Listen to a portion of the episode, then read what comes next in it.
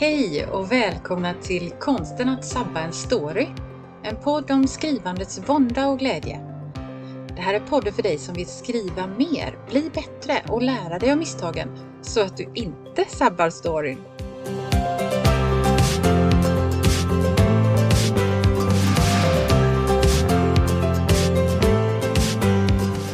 Jag heter Anna-Karin Svanå. Jag är skrivarcoach, lektör och författare. Men nu sätter vi igång!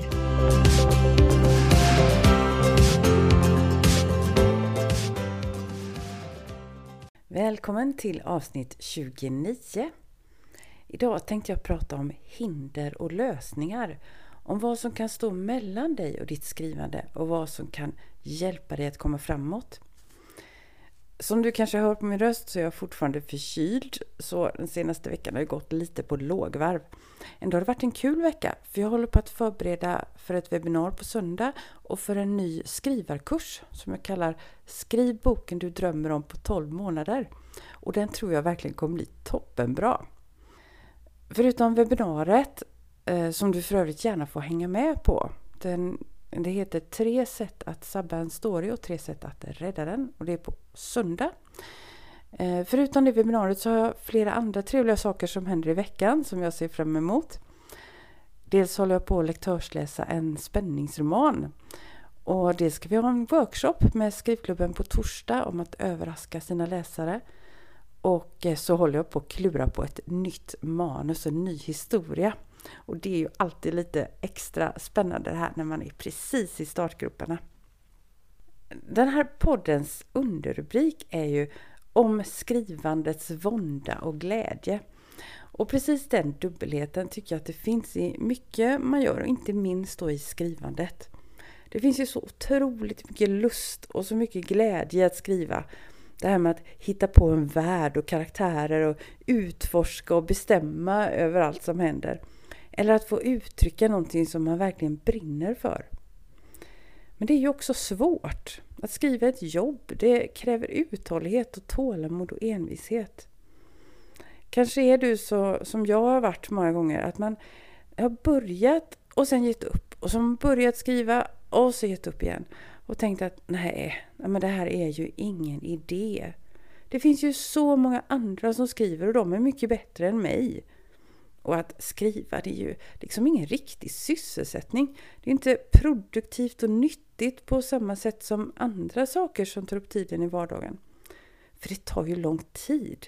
Att skriva är ett enormt anspråk och det tar tid från annat som också känns viktigt.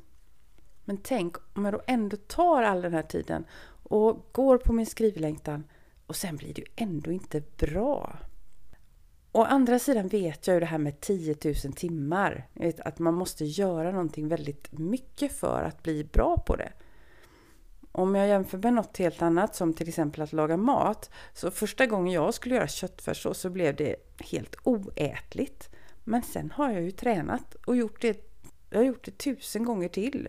Och då blir det ju såklart mycket bättre. Det blir en favoriträtt till och med.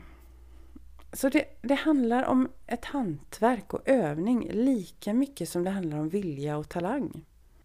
Så den här längtan efter att skriva, det kommer tillbaka om och om igen.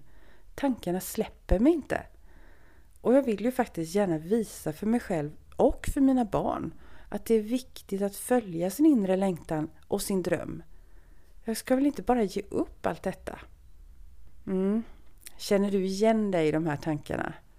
Ja, du är ju inte ensam. Det är många. Vi är många som har tänkt precis så här. Och jag har haft så många olika saker som har stått mellan mig och mitt skrivande. Och många gånger är det tankar. Tankar som förminskar och trycker ner eller att jag bara liksom viftar bort det som jag egentligen tycker är viktigt. Och sen finns det ju en rad argument som på ytan verkar väldigt realistiska. Som till exempel att det finns för lite tid. Men det där är ju helt enkelt inte sant.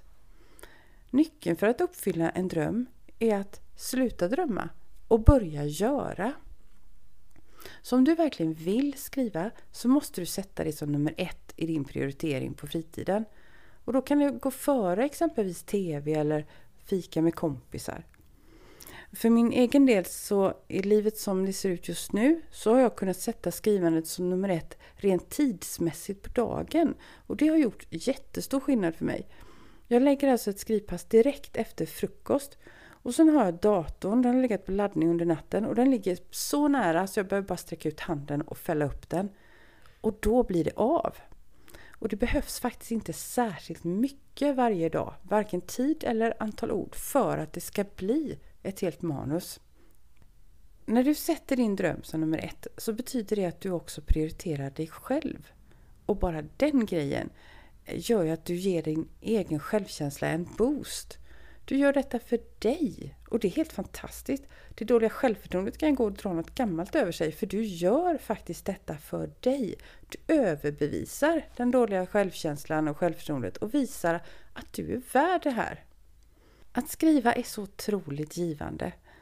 Och då handlar det ju inte bara om det här slutresultatet som man kanske tänker sig att man står med sin bok i handen och att man säljer den och det kommer ut till många läsare.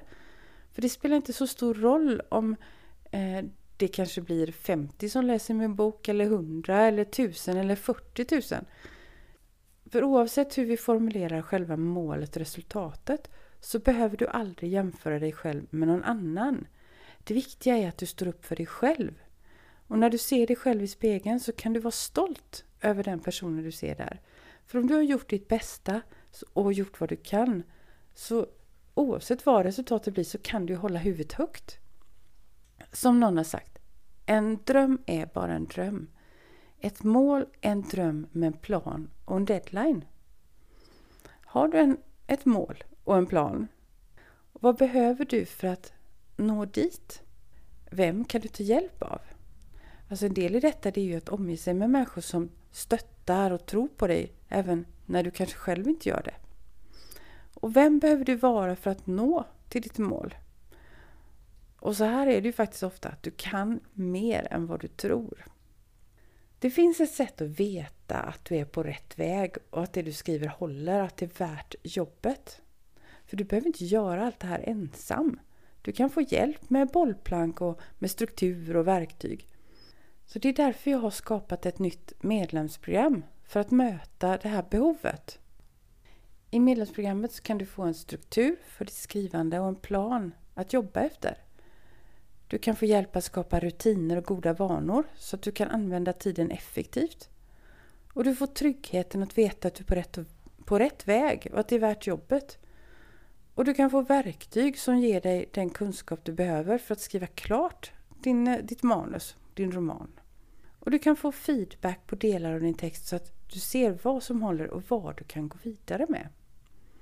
Mitt medlemsprogram, den här skrivkursen, heter Skriv boken du drömmer om på 12 månader. Och i beskrivningen till det här poddavsnittet och på min hemsida finns det en länk till mer information så du kan läsa lite om vad det är mer konkret och hur du kan ha nytta av den här sortens skrivkurs. Och jag kommer också berätta lite mer om det här i slutet på det här webbinariet som jag nämnde förut. Webbinariet som är helt kostnadsfritt och heter Tre sätt att sabba en story och tre sätt att rädda den. Den är på söndagen den 10 april klockan 15 och jag har också lagt till ytterligare ett tillfälle för det var så många som ville vara med. Så jag kommer också ha det samma webbinar på onsdag den 13 april klockan 20. Så du kan anmäla dig till detta via länken i poddbeskrivningen eller på min hemsida. För om du verkligen vill skriva, låt ingenting komma emellan dig och din skrivardröm. Bara i den här poddens olika författarintervjuer så finns det ju många exempel på att det går att uppfylla drömmen. Och nu är det din tur. Ta ett steg till. Gör drömmen till ett mål med en plan och en deadline. För nu är det dags att skriva boken som du drömmer om.